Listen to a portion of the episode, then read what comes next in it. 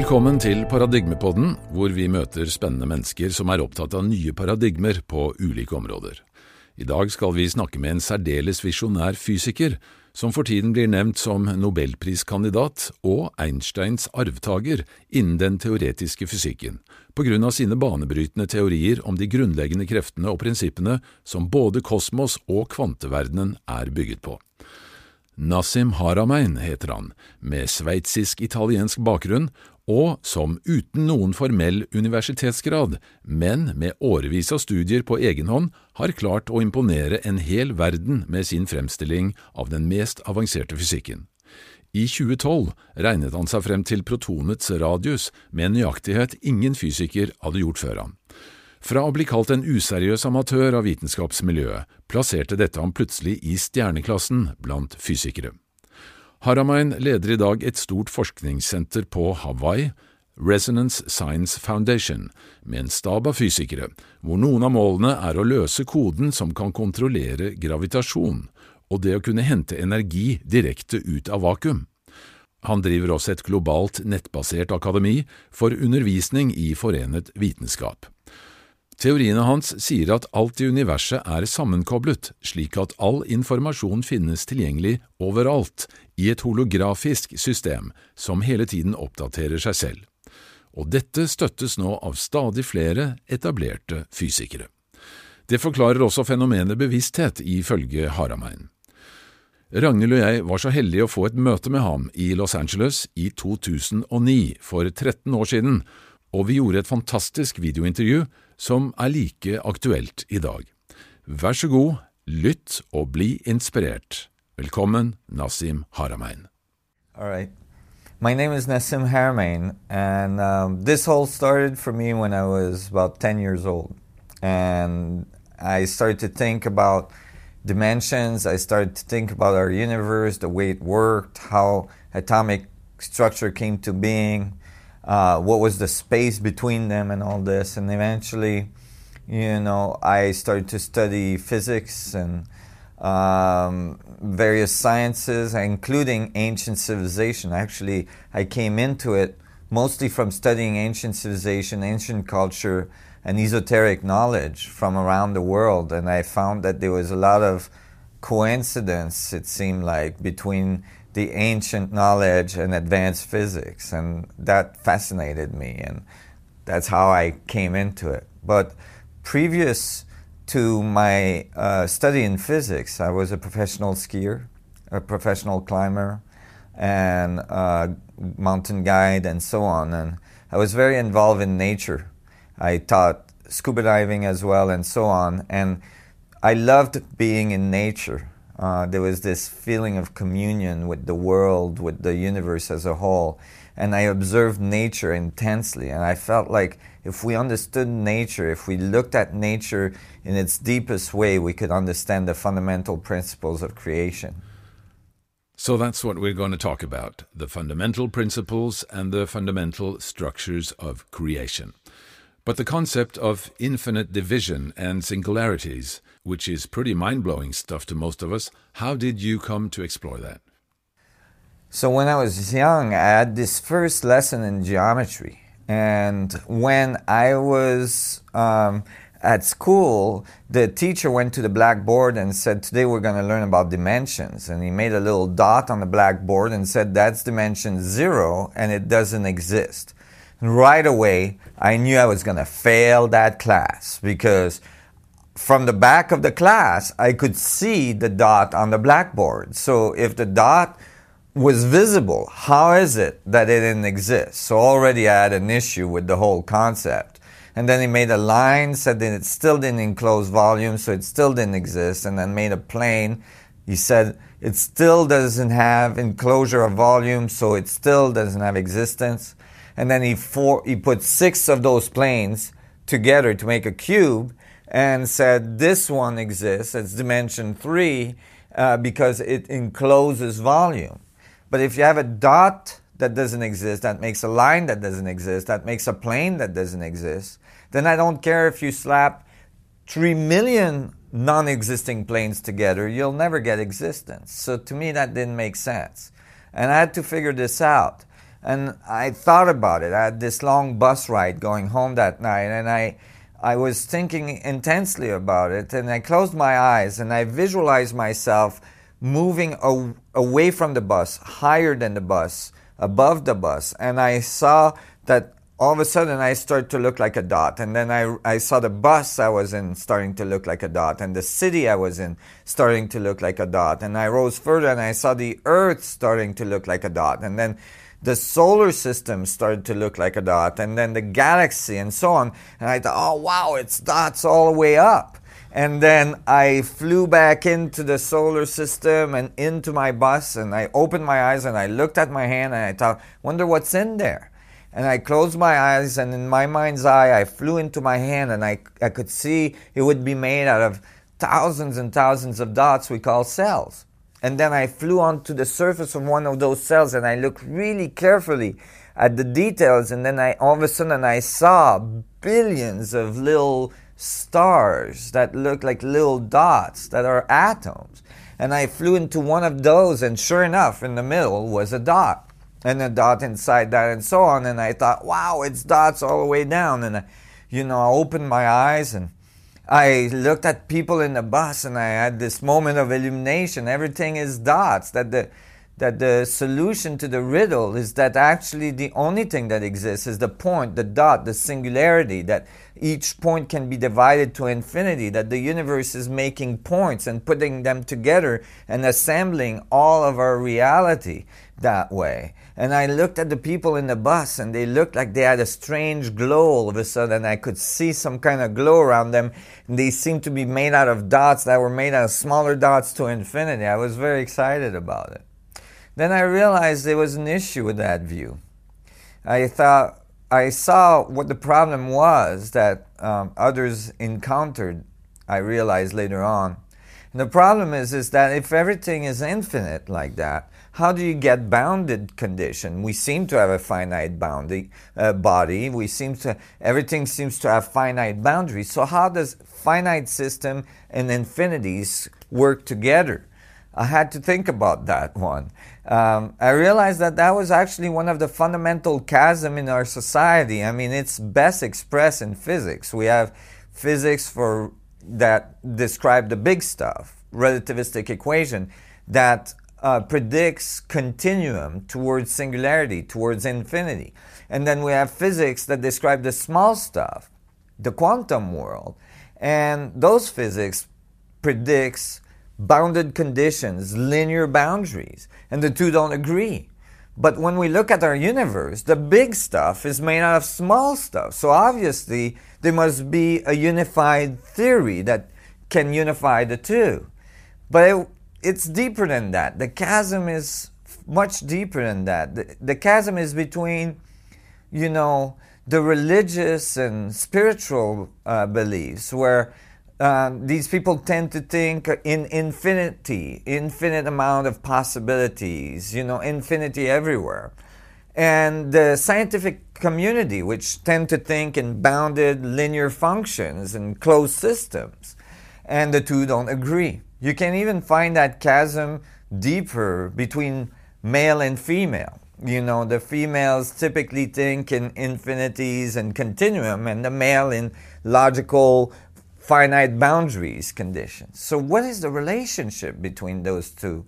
I didn't know at the time that I was addressing such a large issue, but I started to look into it, and eventually I realized that with simple geometry, I mean, geometry uh, that's recursive, what is called fractal geometry, we can solve this problem and it has great meaning to physics.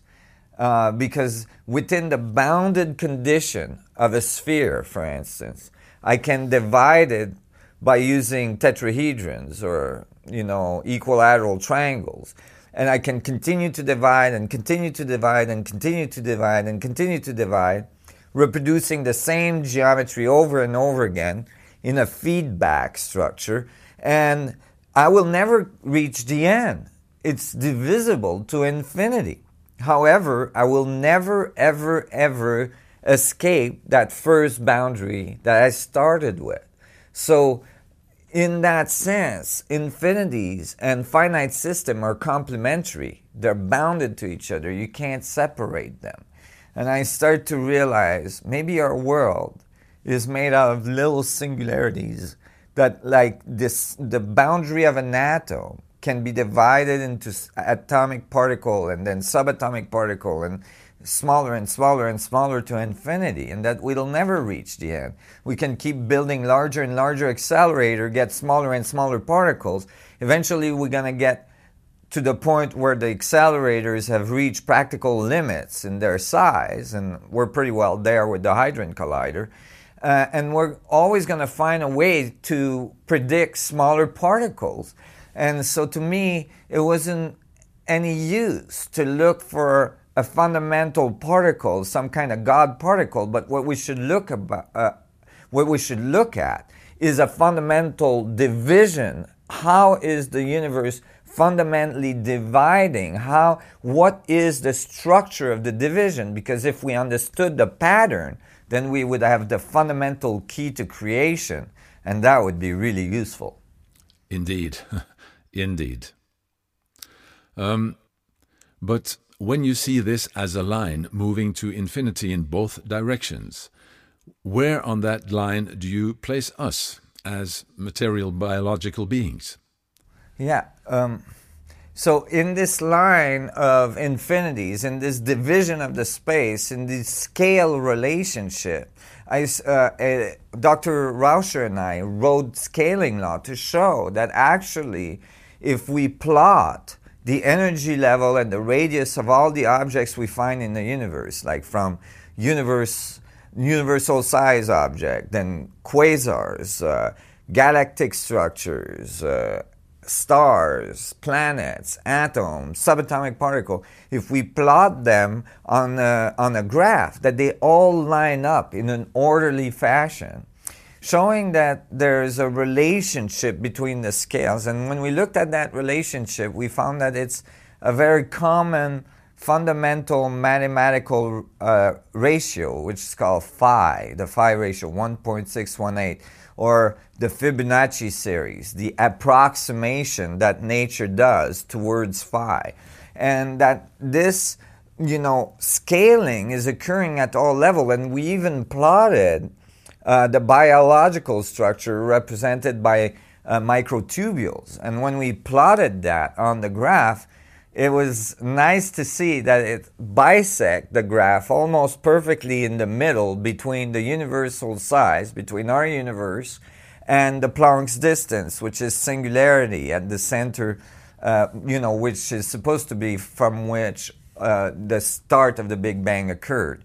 And in my physics is actually at the center, that singularity being at the center of all atoms in the nuclei of all uh, atomic structure. So we're there, right in the middle, between the infinitely big and the infinitely small, and all the information is moving through our boundary, through our event horizon. We're part of this amazing mechanics of the whole universe, this nonlinear mechanics that produces all the scales of our universe. And we're intricately linked to it. We cannot remove ourselves from it.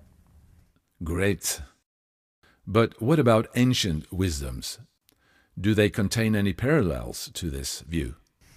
There is many parallels to this uh, understanding, to these physics, to very ancient knowledge that's found all around the world in many, many cultures. I mean, so many masters have come and told us there's infinity in each point, that God is within every point in the, in the universe, that God is within you, and the kingdom of heaven is within you, the Bindu point. I mean, it was called many different ways, and that the space between things is not empty, that the, the vacuum structure is described in many, many different cultures all around the world, the chi, the prana, and all these different names you find for this fundamental energy that actually self organizes everything in our universe, that connects all things in our universe. And so, between the study of ancient cultures and the physics I was writing,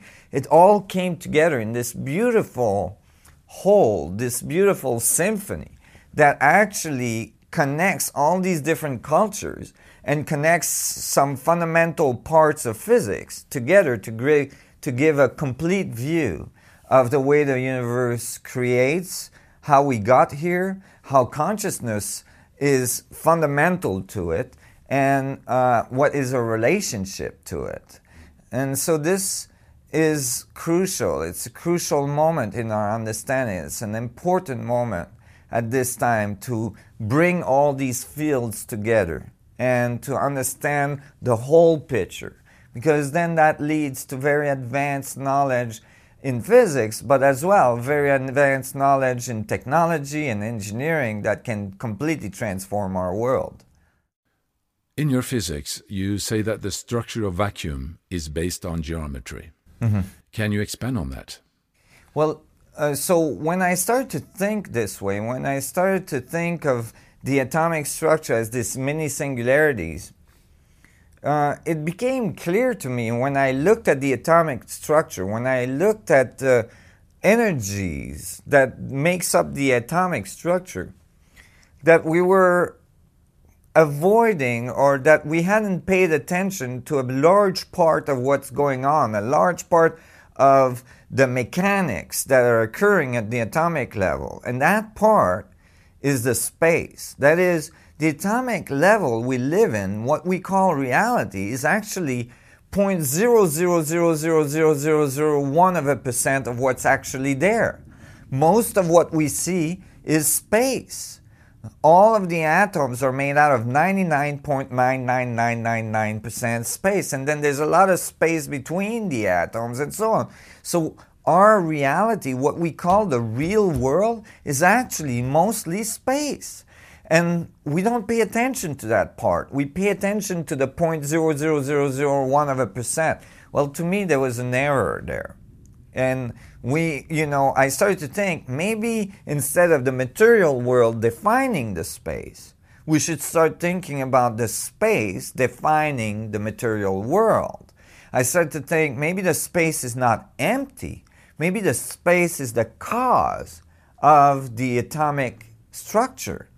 Just like if a pool, if the space was the water in a pool and there was water everywhere, everywhere there was always water. You would all you would think that the water is zero. You you would tune all your equipment so that you know when it's actually full, your equipment would show zero, and then you uh, and then wherever there's a little eddy, you know most of the water molecule are random, but wherever they are organized in a little eddy, where there is a little coherency, you'd say, oh, there is something here. There's something here. There's an atom. There's a star. There's a galaxy, right? And so I started to think in those terms. And I looked in our physics and I studied quantum theory and I realized actually there's a lot of evidence that the space is not empty at all, that the space is full, extremely full. In fact, in quantum theory, the vacuum structure, the vacuum energy available in the oscillation of the atomic structure. When you look at how much oscillation are occurring inside the vacuum, inside the space, inside the atom, you can't eliminate uh, all of the energy, even at zero Kelvin, and that's why it's called zero uh, point energy. Uh, and the energy density is extremely large. It's 10 to the 93 grams per centimeter cube. That is 39 orders of magnitudes more than if I took all the stars in the universe and I squished them all into a centimeter cube of space, I'd have 10 to the 55th gram per centimeter cube. So it's extremely dense. And in fact, when you render the equation honestly, you get infinity, infinitely dense. The vacuum is infinitely dense. The thing that we think of as nothingness is actually everythingness because it's connecting all things. And the paper I just published um, showed this, and that actually inside the nuclei of atoms, the vacuum fluctuation have exactly the mass of the whole universe.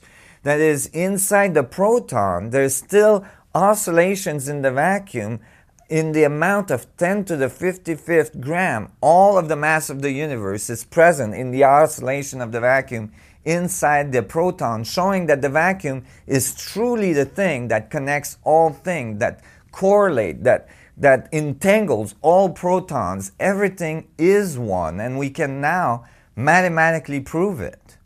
So this vacuum structure is the source of the atomic level, the atomic structure, and you know must have self-organizing capability. It it gets all the information from all the atoms and sends all the information back in terms of our reality. And that feedback structure must have some kind of geometry, must have some kind of structure that we could understand. I thought that way very early.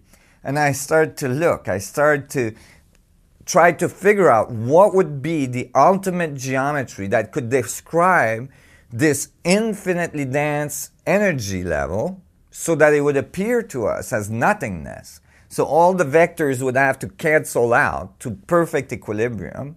And, and as well, how that perfect equilibrium can produce the dynamics of spin and angular momentum and you know, radiative energy like the electromagnetic field and so on that we observe.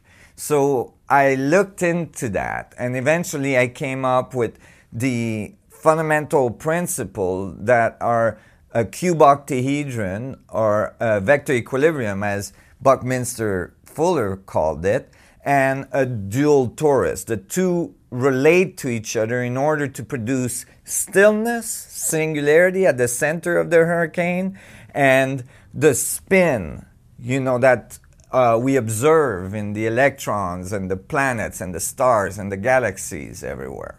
So it's that relationship that the geometry of the vacuum that I was able to describe mathematically and geometrically. So, spin, like in a vortex, is kind of a key word here. But you also suggest that in Einstein's field theory, what is missing is the torque force. Is that right? That's right. Uh, so, when I looked at Einstein field equations, I realized there was something missing. Um, in the way that they were rendered, in the way that they were solved.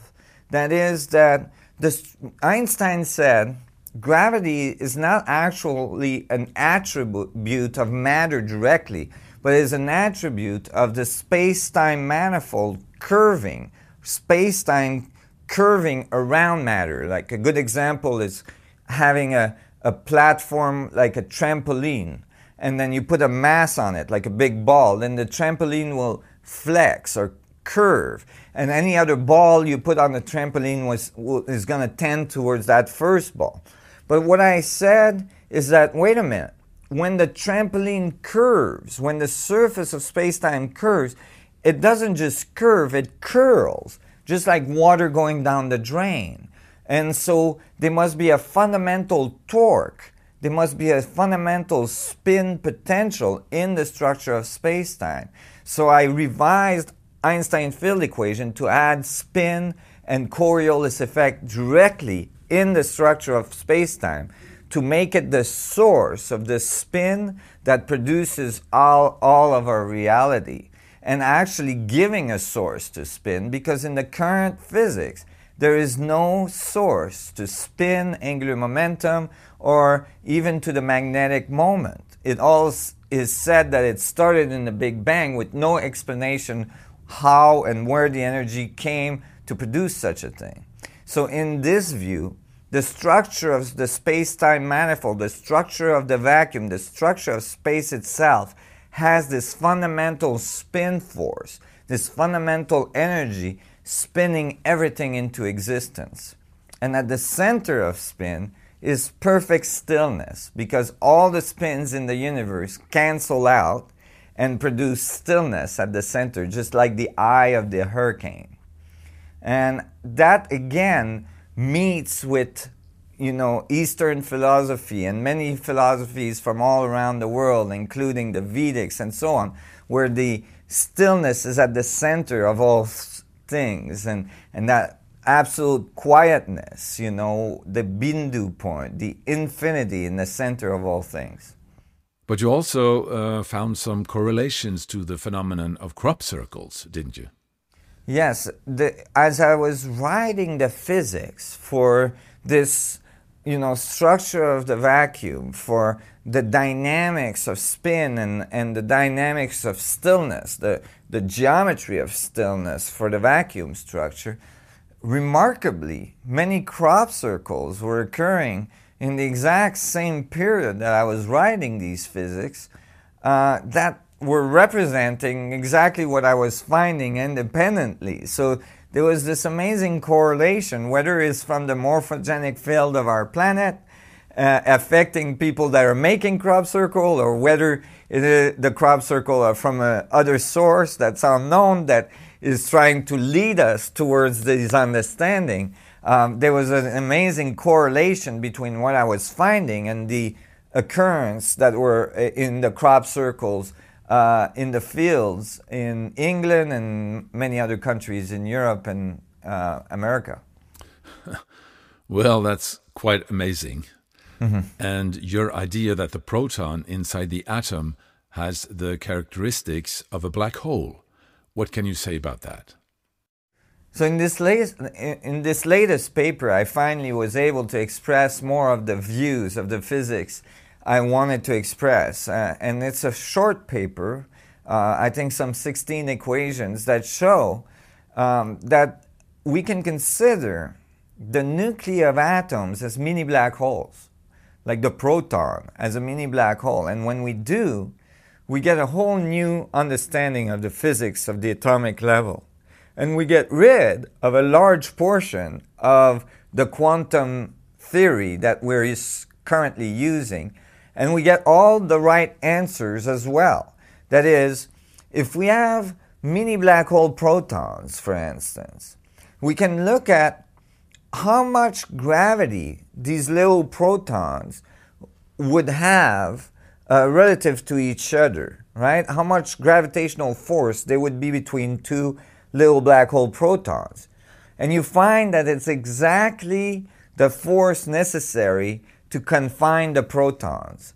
And what that what does that mean? Well, you know, a hundred years ago, or almost a hundred years ago, we found protons, and we found that they were uh, uh, they were we found protons, and we found that they had charge, and that the charge is positive. So two protons should repel, just like two magnets. When you approach two magnets together of the same charge, they're gonna repel. And if they're strong magnets, closer you get them together, you know, harder it is, and you're just not gonna get there. So we, imagine when we found the protons being positively charged in the nuclei of atoms, and we found that they were confined in such a tiny little teeny space in the center of the atom, we thought, oh my God, it can't, it must be an enormous force to confine these protons against the Coulomb repulsion.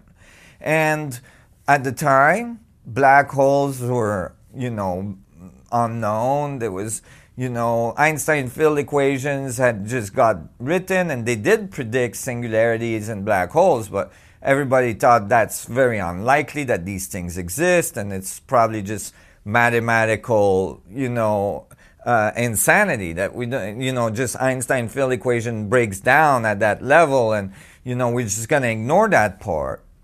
So until now, uh, it's not been taught that atoms could be mini black holes. But what they did at the time, because they didn't have this concept, they invented a new force. They called it the strong force and they made it exactly what it needed to be to confine the protons together. And they went on writing physics from there, not explaining anywhere in the physics where does the energy comes to produce the strongest force in the universe, the strong force that would confine the protons and that would make the atom possible to exist. Well, in this paper I just published, just, just won an award in Belgium, uh, I show that uh, if we look at the protons as mini black holes, and that is in a semi classical way, in an Einsteinian way, without the need for quantum theory, we find that they are exactly, they produce exactly the gravitational force necessary to confine them. And when we look at their relationship in terms of their rotation relative to each other, uh, of two mini black holes the size of proton, the interaction time of the strong force comes out, the decay of the nuclei comes out, the magnetic moment of the atom comes out. All these things that we measure in laboratory comes out exactly right.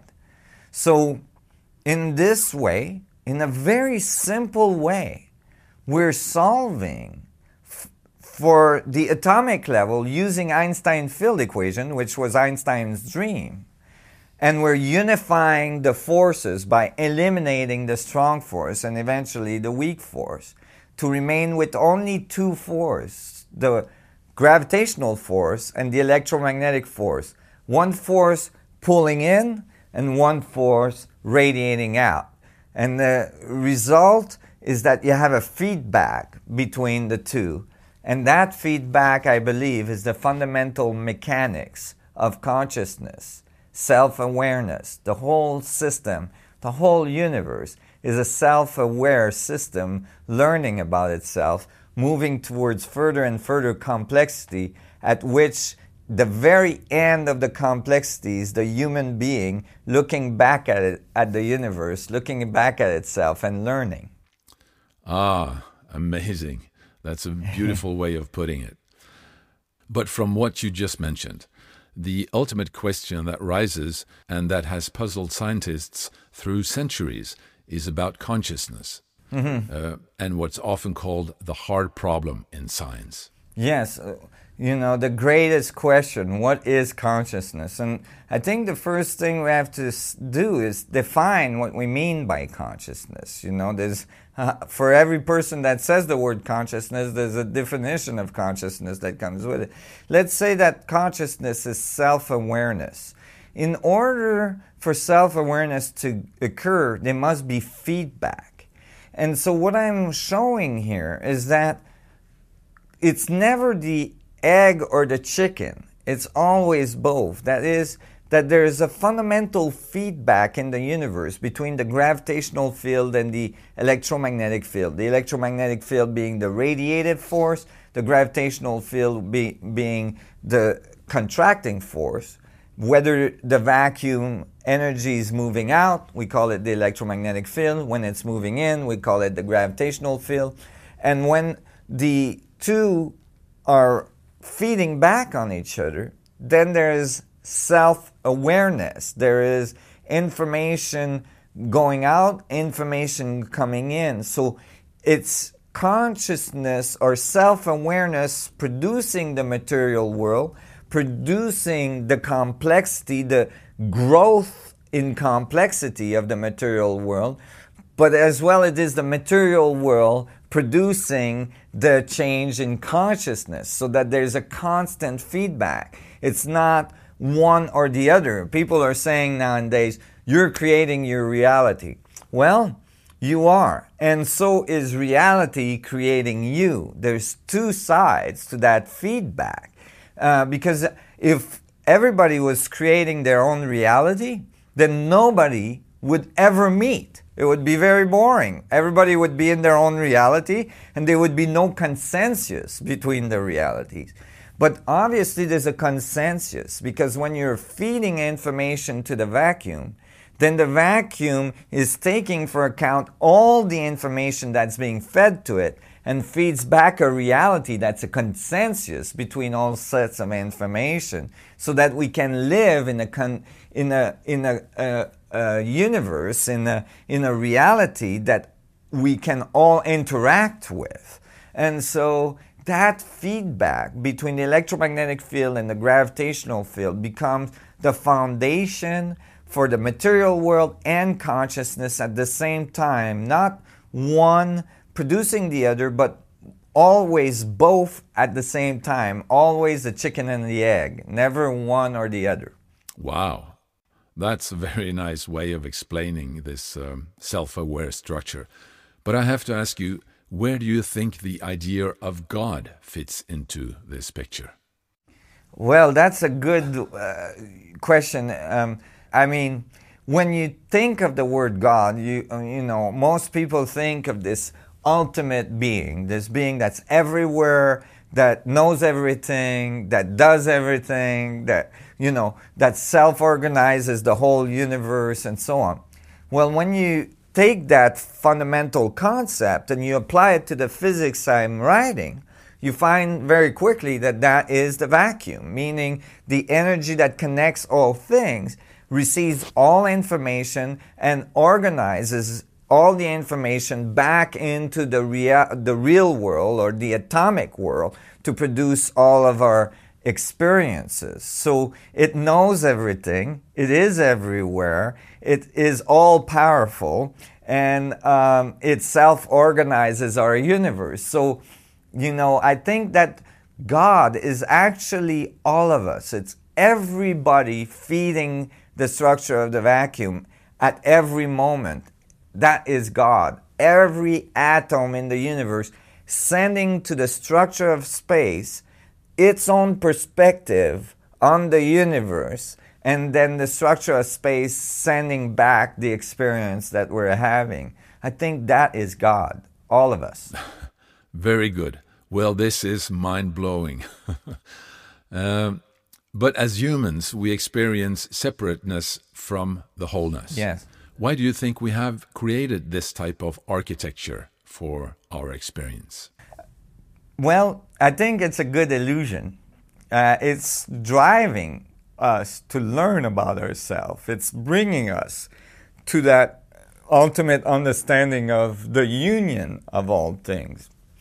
But I think as well that it is a fundamental function of creation. I don't, I don't think it's like, oh, we've created this illusion for ourselves. I think that, you know, because the vacuum has all energy, all information, everything is embedded in it, everything cancels out to appear as nothingness. So it is hard, if we don't see the connection between you and me, through the structure of the vacuum. And I'll give you an example. People say, but you're talking about the vacuum like it's something, and but I don't feel it, I don't see it. Well, you know, you don't feel electromagnetic fields, right? You don't feel RF uh, waves. You know, there's many things you don't feel, like microwaves and all these things are. That doesn't mean they're not occurring, right? If I put the radio here and I tune the little crystal oscillator in there, then all of a sudden it's going to pick up a radio station and you're going to hear a voice coming out of it that actually is in the space here, right? So basically, what I'm saying is that because we're not conscious that the vacuum oscillation is actually the source of our existence, and we don't see that connection between you and me. We don't see the space between you and me as being full and connecting you to me, connecting me to this chair, connecting my atoms to this floor and to the. Because we don't see that, then we have an illusion of separateness. We have an illusion that everything is individual when actually everything is one. Just like the example of the water in the pool, right? If everything is water, in the material world, there's just little vortices, little organized vortex in the water. We don't know that the water is there.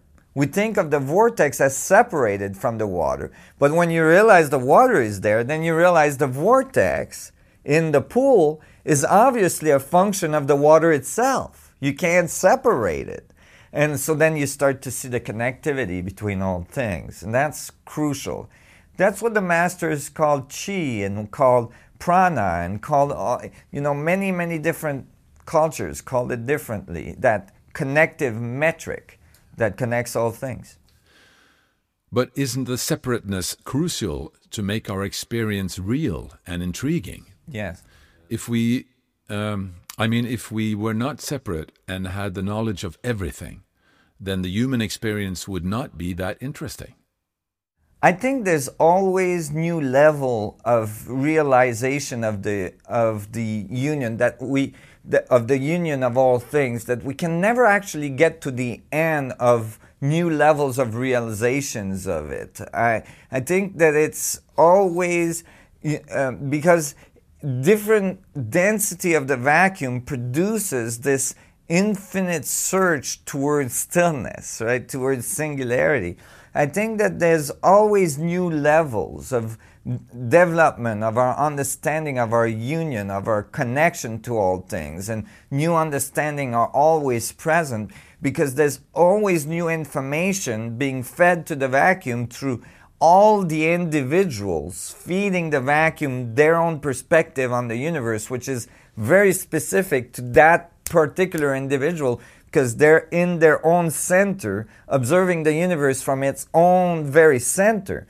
So I think there's always new levels available. And I think that at this point, it is crucial for humanity to get, I think, what I believe to be one of the earlier, most fundamental level is that global understanding that we're all on the same planet, that we're all on the same boat, that we must collaborate, that we are co- all connected through the structure of the vacuum, that we can use this understanding to produce technology and advance knowledge to transform our society and, and thrive instead of destroying our environment. So I, I think the challenge is always there, but I believe that the challenge changes in intensity as you get closer and closer to those levels of re- realization but that the but that the ama- the amount of information um, available to a culture that has found some of these earlier levels become larger and larger. So the challenge actually becomes larger and larger. For instance, a society that has understood these principles is probably a society that can travel through all of their solar system, most likely through the galaxy, through multiple galaxies, and so on, and is probably in contact with thousands and thousands of different species around the world. So now the challenge of seeing the oneness might be even much larger, meaning it might be much harder to feel a sense of oneness with entities, you know, that has six arms and, you know, maybe two heads or, you know, that look completely different than what we're used to. So I think there's always new level of challenges. I don't think we'll ever run out of challenge. If the universe ran out of learning about itself, it, if it ever got to the place where it, it got the ultimate uh, uh, and that everything you fed the universe would happen instantaneously, exactly the way you would expect it, I think that the universe would end right there. It would be over. So, what you're saying is that life in multiple forms is most likely a common concept through the whole universe. Right. That in every moment in our universe, every point in the universe is feeding its own set of information. That's why you see the electron and the positron disappear and reappear and disappear across the vacuum because it's informing the vacuum and then coming back out and informing the vacuum and coming back out. And so every point is informing the vacuum and the synergy of all the information in every point produces the new question for the next synergy and then this the synergy produce the answer and then produce the next question and so on and so on so it's always learning about itself and that's why it can grow from very simple systems to a very high level of complexity very, very quickly. You know, which is something that's not explained in current physics. How did we go from a big bang to, you know, the insane complexity that's present in one human being alone, you know? If you take the DNA in one human being and you string it end to end, you can wrap it around the world five million times That's how much information is present, compactified in your body right now, making sure that everything is working and everything is functioning properly. All the cells are dividing and everything is is uh, working, you know, perfectly, so that you can stay alive, so that everything continues to work in the right fashion.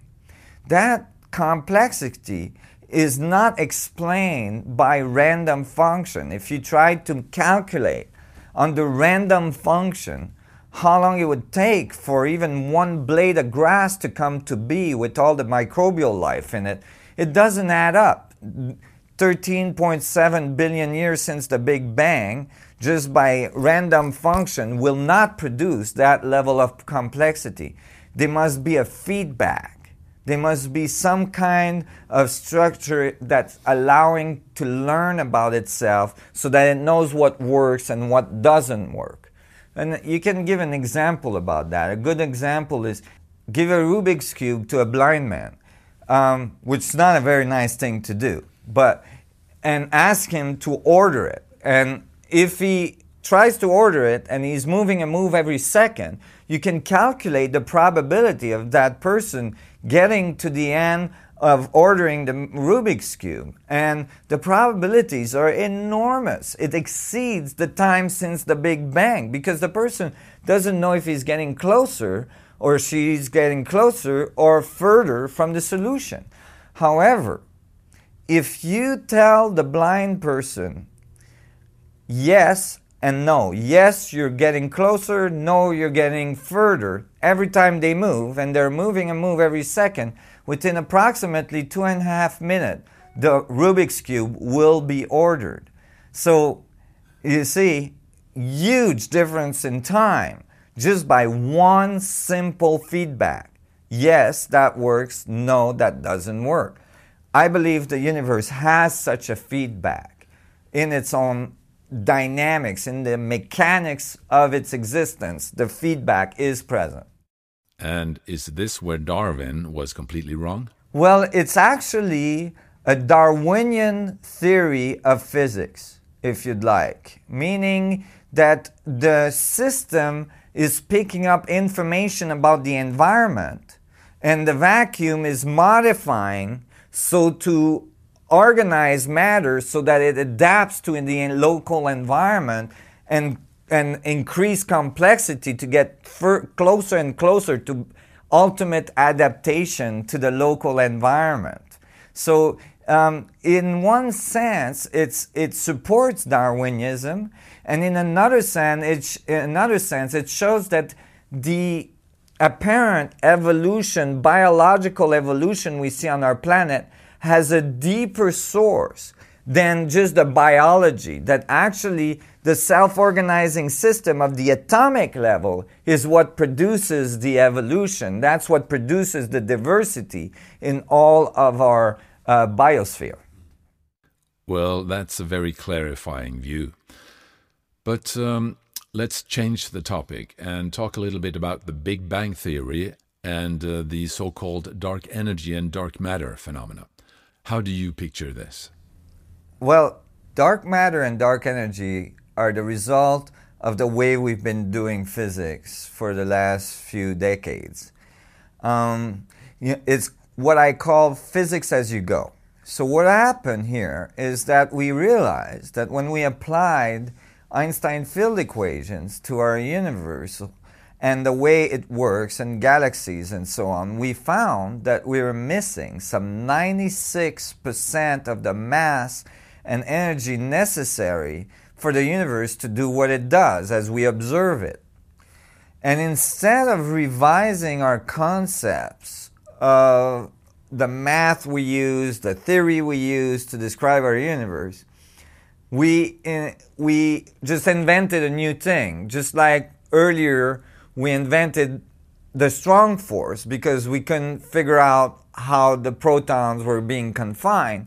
Here we invented dark matter and dark energy, and we said, oh, it is matter and energy that doesn't radiate, that does not have an effect in our world, so we don't see it, we don't experience it, but it has effects on gravity. And so uh, and it's in exactly the right proportion to do the job, and now our equation works fine. Basically, we added 96% of the stuff in the universe to make it work so that our equation work instead of trying to figure out why our equation doesn't predict what we observe. And um, I think that's a big error. And that tends to lead us on you know, a strange path that can take some, you know, decades before they get rectified. I mean, we have been looking for dark matter and dark energy for at least 20, 30 some years now. And so this is, uh, I believe, a big error. And my physics, the way I'm writing physics, resolved this because it shows that the protons are mini black holes, that the atom have a different mass than what they thought to be, and the, that larger mass of the atom is because the protons are accelerated at the speed of light in the nuclei of the atom. When you do the calculation for two protons, um, black hole relating to each other, how fast they would be spinning, they're spinning at near the speed of light. And there's such a thing that's in Einstein uh, relativistic equation that says that mass is dilated, that it uh, increase as you approach the speed of light uh, due to acceleration. And so this has not been accounted for, mostly because the strong force has never been accounted for, meaning how much energy does it take to produce a force that would confine all the nuclei of atoms? And when you add all this together, you get more than you need to fill up the 96% of the universe that we're missing. So I think it's all there. We just haven't had the correct physics to explain our universe. And I think we're getting there now, and it's going to give us a completely new view of our universe, a completely new view of ourselves and our relationship to it. And it's going to project us, it's going to propel us into this new world with advanced knowledge and advanced technology that you can't barely imagine today. Ooh, again, this is mind blowing and uh, a quite different way of explaining these phenomena. But do you think the universe has been creating itself continuously, or, or did it start out as a Big Bang? In this new view of the universe, the Big Bang is happening all the time. It is a self propelling, it is uh, a continuous creation model. That is, the Big Bang did occur, but it is just one event of the bangs, meaning that there's multiple bangs happening all the time. Actually, we see stars exploding. We call them supernovas, and we call them the death of a star. But at the end of the day, when we look in that region of space where the star was after it explodes, we don't see that it's disappeared. We just see the core of that star spinning at very high speed. We call it a black hole or a pulsar. But what I'm saying is that that is actually the creation process. That is the cycle. Uh, you know, that is that atoms are continuously being produced at the center of galaxies, at the center of stars, even at the center of planets, through the singularity that is present at the center of all things, that the universe is expanding because there's continuous creation occurring, and that, you know, the bang is occurring everywhere all the time. It's always banging. It's always banging, always banging. Yeah. Yes. But what about the energy potentials in the fabric of space, in the vacuum? Uh, how is it possible to extract this? And may this be the technology that may finally solve all our energy problems as an infinite clean energy source? We live in an amazingly energetic universe. It is present everywhere the structure of the vacuum, the energy present in the space is 10 to the 93 grams per centimeter cube. It's enormous. And the physics we're writing now is showing that it has real physical meaning. And even the Casimir effect, which is an experiment that's done in laboratory to prove the existence of the energy in the vacuum, shows that there's mechanical effects that can be produced from that energy. So a very small amount of that energy becoming available to us through technical and technological means would change our world, our paradigm forever. Uh, you know, no longer would we be going around saying, oh, there's not enough energy for everybody and we must fight for it.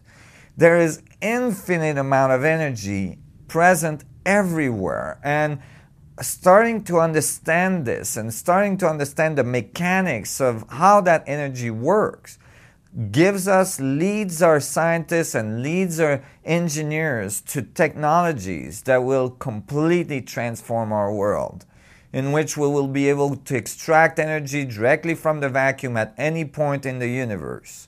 And not small amounts of energy, enormous amount of energy. Uh, more energy that we could ever use on this whole planet and um, and that this energy can be used without interfering with our biology, with our biosphere, without polluting, as well that it can be used to produce gravitational field, to produce you know space drives, to allow us to go through our solar system, to allow us to travel inside our galaxy, or even multiple galaxy, or even multiple universes. There is an amazing possibility there. I don't believe the universe put us here and didn't give us all that we need to be completely free and to be abundant and, and thrive in our universe. I think the discovery of this energy, the discovery of this connection that we that is there between all things through this energy of the vacuum and how to use it, how to harmonize with nature is eminent. And that our society is currently making the choice to move towards sustainability, towards a, a thriving community that has the capacity to have as much energy as it needs, as much uh, resources as, as it needs, because it's able to move through our solar system, through our galaxy, anywhere it wants to go.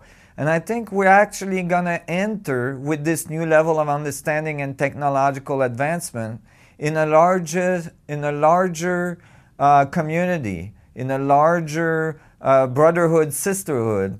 Uh, that may involve other beings from other star systems, other planets, and even maybe other galaxies or even other universes. I think those uh, connections are available uh, and that we are going to start um, exploring those connections as we develop technologically and, and move into a whole new way of interacting with our universe. But why do we still seem to be stuck in the fossil fuel paradigm when this vacuum energy seems to be available all around us? Yeah, um, in general, why have we not seen this energy before? Why have we not used this energy before? Why aren't we aware of it? Well, actually, we have. We've used it every day. Every atom of our beings are actually, you know, functioning because it's being driven by this energy and because it's feeding the, its energy back to it. And so I think it's everywhere and it's evident everywhere, but we've made one simple error in our laws of physics, in the way we've written our laws of physics. You have to notice very carefully, for instance, all of our laws of motions, all of our laws of thermodynamics, all of our laws of entropy, they all start with a very specific statement. The statement says, within a closed system, da da da da da, or within an isolated system, da da da da da da da. And then we make the calculations from there.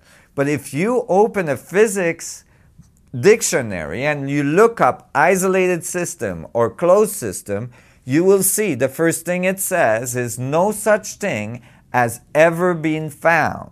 That would mean that all of these laws are based on something that does not exist. It's an idealized closed system. Why does that produce a problem? Well, look at it this way. Let's take, for instance, an hydroelectric dam.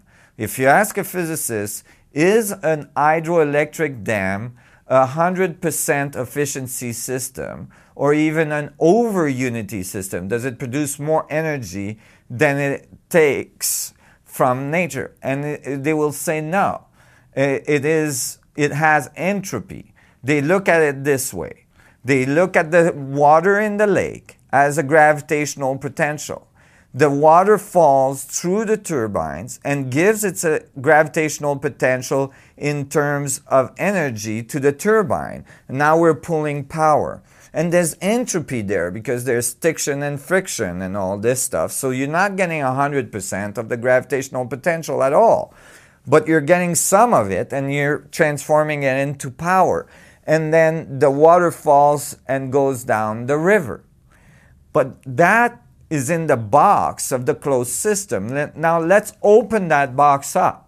You will find that the water goes south towards the equator. And because the earth is spinning and because the sun is shining, the water is evaporating into clouds. And because of Coriolis effect on our planning, planet, because of the spin of the earth, the clouds go back north. And now it rains back into your lake. So that loop has been completely closed.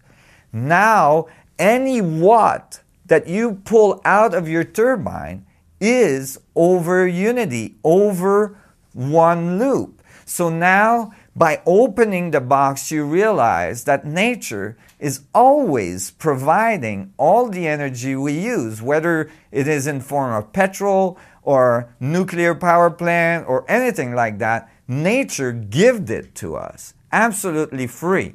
What we need to understand is how does nature produce all these systems in the first place? And that's what we're getting to. This fundamental energy that produces all the atomic level, all the natural dynamics we see from which we extract power, we can tap directly into it because it's much more energetic than its effect, which is the atomic level. And when we tap directly into it, then there's zero or very little effect on our environment. So, uh, and it's an enormous amount of energy. So, this is what we need to understand. These new technologies that are coming down the pipe that seem to violate the laws of motion, seem to violate the laws of thermodynamics or entropy by producing more energy that's necessary to than the energy you're putting in, they're not actually violating these laws. They're actually just saying, they're just showing us that there's another source of energy that we can pull from that is that's conserved. We're conserving the energy from the vacuum through the device. We're just tapping at a higher level than uh, the atomic level. And so there's many ways we can do this, and I believe these uh, technologies are on the brinks of becoming available for a society as a whole. And one example of an over unity device is actually a magnet. Is that right? Yes, even a magnet is an example of an over unity device. Why? Because if you look, if you go to a physicist today and you ask them, what is an electric field? It will say, well, it's the result of a charge moving. And you say, well, where does the electron that's moving taking its charge? They don't have an answer for that, meaning that, like, the charge of the atomic level, the magnetic field, the magnetic movement is unexplained, is not given. You just said that it started in a Big Bang. That's equivalent to saying God did it. Um, what I'm saying here and what my papers are showing is that actually charge, spin, and angular momentum, all these things are, are the result of a source of energy that we call the vacuum, that we call the uh, space between things, which is not empty but it's full. So even a magnet which produces a charge that we can use for work. For instance, you take a fridge magnet and you take your electric bill and you stick it behind that fridge magnet every month. And now you've got maybe four or five electric bills behind that, that magnet. Well, if you look at it honestly, uh, you'll find that that magnet is holding those pieces of paper which have mass against the gravitational potential of, you know, against the gravitational field of the Earth, producing a gravitational potential.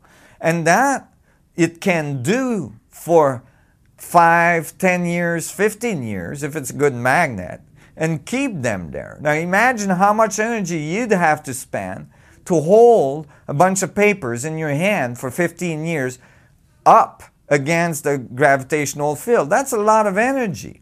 Well, you know, this is evidence the magnet is producing work on its own without you having to keep adding energy to it. So, the magnetic field of the atom, the magnetic moment of the atom, the magnetic moment of the electron, the spin of the electron, the spin of our planet, all those spins we see, all this activity, all this mechanical function, they are supplied by the universe naturally. They're there. All we got to do is figure out how the universe does it so that we can harmonize and use the same dynamics to produce our power. And I think we're very close to that. Great. But um, let's step back a bit again and talk about the structure of waves. Because the way that waves are pictured in physics is usually a two dimensional picture of something that is three dimensional. And also, waves are pictured as two dimensional in the very well known double slit experiment, which is one of the basics in quantum physics. Can you say something about that? Right. Uh, one of the issues that occurs in physics all the time is we have tendency to reduce things to a two-dimensional plane, and I think that can lead us astray in many different cases. Uh, one of the ways that it leads us astray is when we start to think about um, waves, uh, wave functions, and how they, you know, interact in the universe and so on. A wave is typically seen as this sinusoidal wave that is a two-dimensional rela- representation of an actual three-dimensional object. This wave, if it's a true wave in space, would travel as a vortex. It is rotating. And, you know, and this idea of an isolated system and this two-dimensional plane kind of bites us in many different ways. Like, for instance, when we even look at our solar system, we typically think of our solar system as the sun and planets spinning in circles around the sun in elliptical um, orbits. But in fact, our sun is moving at thousands of miles per second through our galaxy, and the planets are following, making this huge vortex, waves in the space. And each moment in our life is different because the planets are moving through very specific different coordinates in space time. They never come back onto themselves. So all the these approaches that closes the system, that flatten the surfaces, and so on, um, you know, tend to give us an erroneous picture of our universe that needs to be modified to get a true sense of what the universe is doing. Waves that are coming from the sun, electromagnetic waves, don't look like up and down, you know, two dimensional wave, but vortices approaching us. And if those were understood, if the vorticular dynamics, the spin dynamics, the toroidal dynamics of our universe was truly understood, I think the technology that would allow us to tap into this advanced, most powerful energy that's available would become available very quickly. And, and so, what is wrong is the way we interpret the double slit experiment. The double slit experiment actually produced a large chasm in our mind as a result of an interpretation of it that I think is erroneous. Uh, the interpretation that the wave and the particle can be, you know, uh, one, a wave at one time, a particle at another, and it became very esoteric. Um, and, and actually, the interpretation of what was going on in the double slit experiment became extremely esoteric and produced large amount of complexity in our physics and our quantum understanding of the world. and so on. And I don't think it is necessary. One simple modification to the assumption that is made, uh, completely explained mechanically and simplifies the double slit experiment. And that modification is to realize that particles are never in an empty, idealized free space. That actually the vacuum is everywhere and it is a medium, and you cannot uh, not account for it. So when a particle is going towards the slit, is shot toward the slit, it is not just moving in free space, it's making waves just like a bow of a boat on the ocean makes wave as it moves. If there's one slit, only the particle will go through and you'll get particle diagram on the on the receiving end. However, if there's two slits, then the waves that the particle makes are going to go through the second slit. And then if you add an, a third party in the field, that third party, the observer, so on, will produce waves, will, will interact and interfere with the other waves that are produced by the particle, and you'll get a different result again. So, in simple terms, just very quickly here, we can start to understand the double slit experiment in a much more much more grounded way, in a much more mechanical and I believe more appropriate way if we stop to assume that particles are moving in some kind of idealized free space, which we've never observed. So, um, what you are saying is that quantum physics today are not leading us to the right conclusions. Is, is that what you mean? Absolutely. I think uh, I think quantum theory is stuck in this paradigm, and, I, and that was the opinion of Einstein, uh, that we can just throw out any mechanical, classical and mechanical function, and we can just, you know, throw in forces and throw in all sorts of esoteric thoughts in there to make the equation work. And as long as we can get appropriate predictions, then it must be correct. Well, you know, you can get the right answer from the wrong theory. Uh, and that doesn't make the theory necessarily correct, and it can lead you astray as well. Uh, and so I think there is fundamental classical mechanical function to the atomic level. Spin is really spin at the atomic level too. And that's what Einstein taught. And uh, the only thing is that Einstein shied away from singularities, shied away from black holes, because at, at his time it was so outrageous of a thought, um, because black holes hadn't been found cosmologically and so on. So it was thought that those things probably didn't exist. But I think that now it's time to realize that no, there is fundamental mechanical function to the atomic level.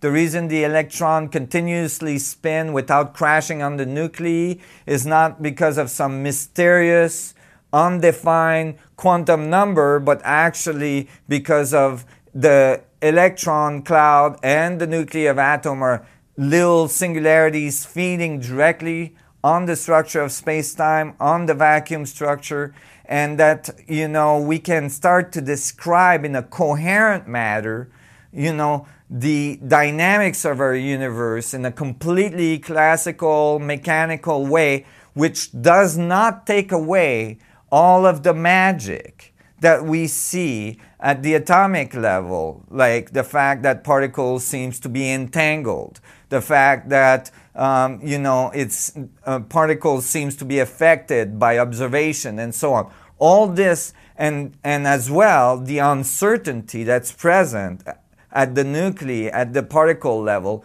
because all this is still present because we're dealing with mini black holes that have infinite potential, infinite, and that connect that are connected through the structure of the vacuum to all things. So obviously they are entangled.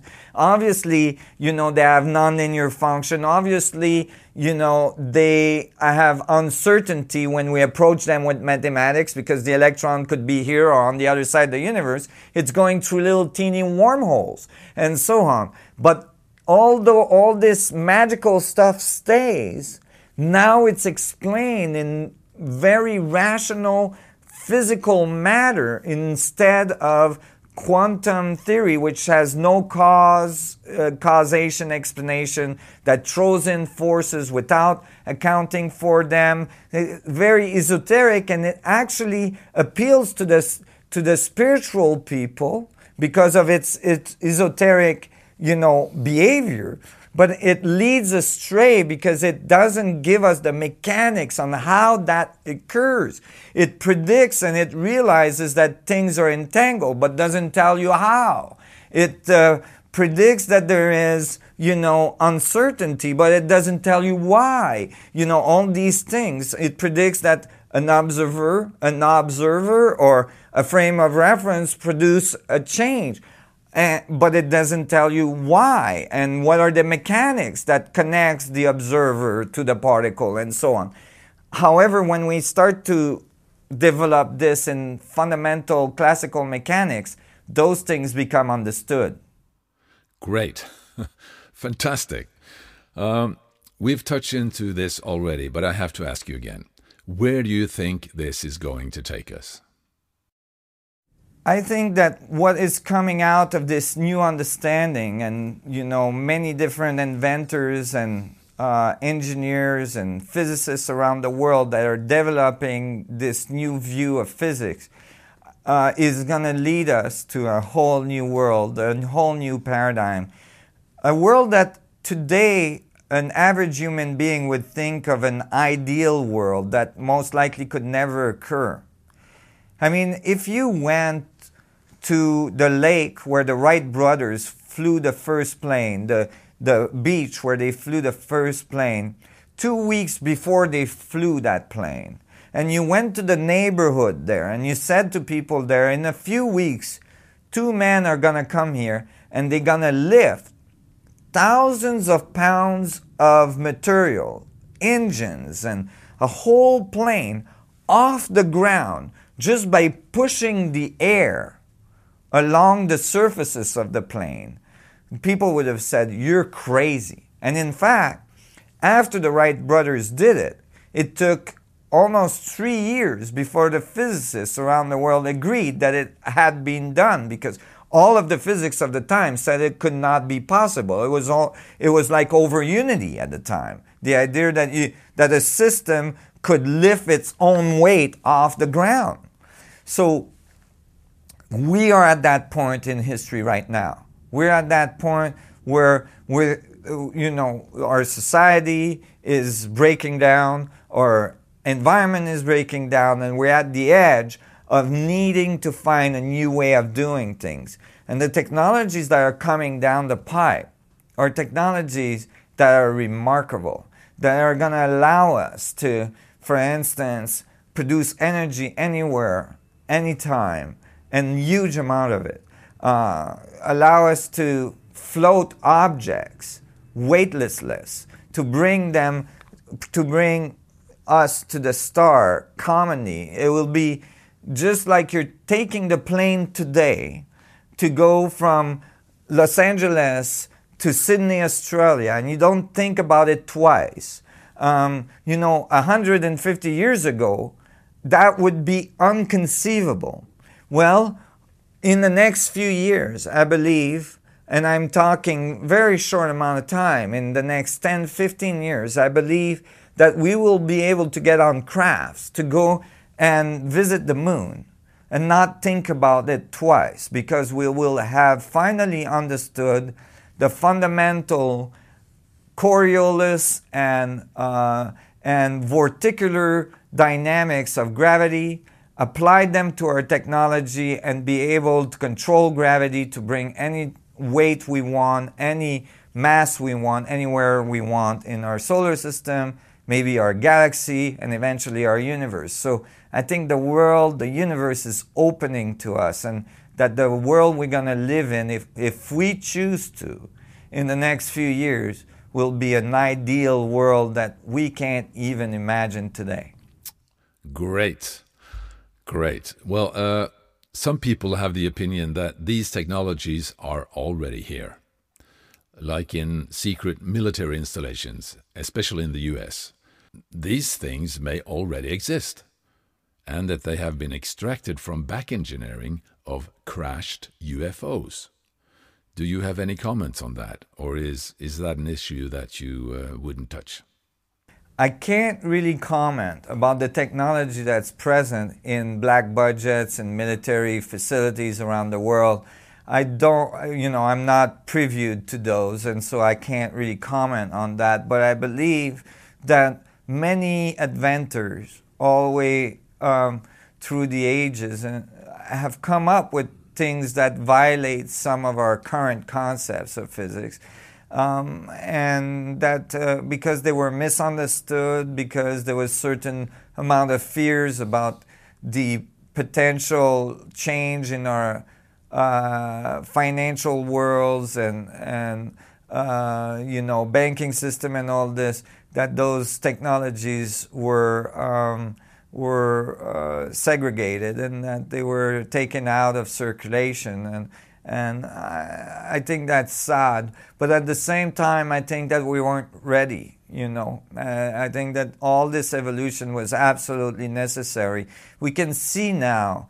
We can see very clearly. You know, certainly in the United States of America. Um, you know, um, a level of maturity finally developing, a level of wisdom finally developing that's the result of um, you know all the experiences that we've had with war and destruction and all this starting to realize what is that? Is that necessary? You know do, do we need to war about everything or can we can we just um, agree to disagree to uh, can we just talk can we find a way to work together to unify instead of separate. I think, you know, the world is changing very fast in that direction. And all the experience we've had are necessary for us to grow to that level. Just like in your own life, you know, typically you find that the largest growth spear, spear you did, the largest motion in your growth happened because some traumatic event occurred in your life. So you know, we have a tendency to learn by having the universe give us a little two by four behind the head. And, you know, I think that, uh, that all these experiences were necessary for us to, to get to this point. Uh, like Nikola Tesla. Tesla was too early. Moore was too early. You know, Russell was too. I mean, they were necessary because they actually inspired a certain group of people to continue the research but they were too early to become, you know, global.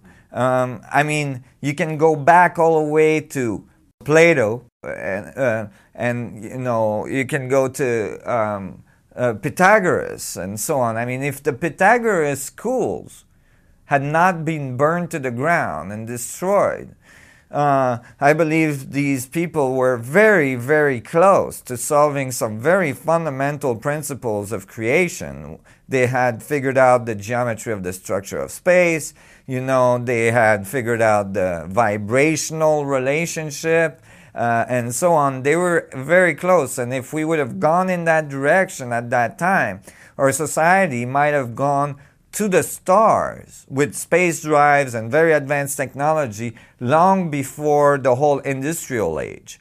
Uh, so, you know, but we didn't bifurcate at the time. We didn't go that route because we needed to learn very specific lessons. And I think now we're starting, we're very, very close to being ready. But uh, there are evidence on the planet that these forces, like control of gravity, must have been known.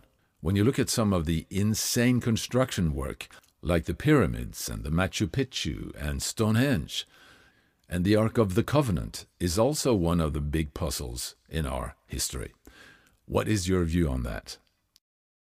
Um, really interestingly, when you look at this new world I'm describing, this new physics that we are about to enter in, I believe, and these new technologies that are about to develop.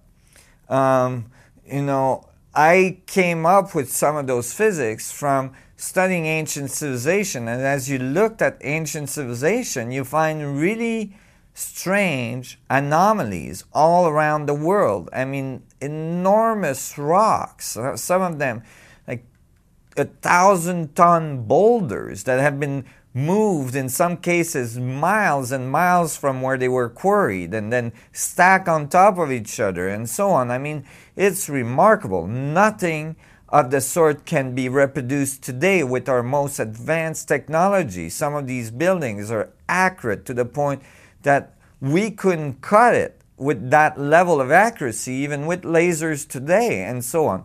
So there's lots of anomalies around the world, and that leads to the understanding that actually there was an advanced civilization on our, on our planet prior to this evolution, and that they left, left us clues. None of the ancient civilization ever claimed to have built these buildings, to have got this, to have come up with this knowledge by themselves, and so on. They all point at the stars. They all say that sun gods, some beings that came from other star systems, found the earth and bestowed on man their knowledge, and that that's how they got their knowledge of engineering and, and language and mathematics and so on. Well, you know, after finding all this stuff and you know studying all these civilizations you start to take these things at face value it is there is evidence that there was very advanced technologies on our planet prior to our written history, thousands of years prior to pharaonic Egypt. And uh, when you uh, look carefully at the texts you find in these ancient cultures all around the world, you find that some of these technologies may have been left behind, that there was still some of them present, not so far in our history, some 2,000 years ago or even earlier, but not so far in our present history. And some of these technologies, I believe, were uh, described as the Ark of the Covenant, for instance, by the Judaic tradition. The black stone or the black sun in the Quran uh, in the Sumerian text, uh, the disk of Mu in the Mayan and Inca tradition, and so on. I think these devices, this one specific device, m- not meaning that there was only one, that there was most likely many around the world, but one specific technology, a technology that can produce gravitational effects, um, was uh, present and left on our planet for us to rediscover at this time. And that we're just at the edge of rediscovering the dynamics of it, actually understanding much better now the fundamental physics that makes these devices tick, and, uh, and transforming our society back to a society that is free, not bounded to the surface of our planet and not bounded to a limited amount of resources anymore. Well, so the closing question. Your paper that you just published, could you summarize it for us? And also tell us how it's been recognized in the general scientific community. This latest paper I've published uh, was uh, very radical because it describes the atom as a mini black hole, the protons as little black hole interacting with each other with a gravitational component. Uh, it eliminates the strong force. It shows that without all the that quantum stuff, you can solve the atomic level uh, in semi-classical means. And I was very surprised that it won an award in a physics conference. Uh, it was an award for physics, quantum theory, uh, you know, field theory, and so on. And it was competing against very good, very profound papers from other scientists there. And um, but I was really excited because it was a simple paper that had a profound meaning, and I think that is um, is really exciting to see because the mainstream physics community is realizing more and more that we need something new. We need a new approach, a new approach that the old way of doing the math and the old way of looking at things uh, is missing something fundamental. And uh, physicists in general are looking, at least the physicists at the fine edge of physics, are looking for this new thing. And I think that it's much more simple than what we think. I think that it actually is based on very fundamental mechanics, very uh, simple uh, approach to the world and to the mechanics of our world, but that has profound impact in our understanding of ourselves, the world around us, and the universe. And this paper is a small step in that direction. It is profound in its meaning. It's remarkable that it was uh, that it was embraced so heartedly. And uh, I look forward to some of the other papers that are coming down the pipe and more discussion with the mainstream scientific community about what this all means. Great. And so, where is Nassim Haramein heading now? I've been working with an institution that's called the Resonance Project Foundation for over five years. It is a nonprofit uh, institution that uh, lives based on the generosity of the public. And we are a group of scientists uh, uh in physics and mathematics and biology that are working on unification theory, uh, mostly based on the physics I'm writing with them, and uh, on developing new technologies and new engineering for our world. And, you know, it is a very powerful group of people. It's growing every day. And we are, you know, moving in the direction of bringing more physics to the physics community, uh, more new physics, more new understanding of the possibility of engineering and technology, and as well, uh, helping people, individuals like you and I, to uh, to grow in their understanding of themselves, of the universe around them, the philosophy that these new physics brings to us, even meditation techniques that can be developed from this new understanding of the physics and the philosophy to help people connect with that unification field that connects all things within themselves and help them feel their ultimate potential to help them develop their dharma to help them realize that they have infinite amount of knowledge they have infinite amount of potential within themselves and that that is present whenever they're wanting to access it and all that they need to do is take a little bit of time every day to turn their senses inwards and go towards that singularity at the center of all their atomic level that even the atomic level they're made of not in an esoteric way but in a very real way, has this infinite potential within, and that they can access it anytime they want and transform their world. Thank you so much, Nassim. Thank you so much for having me.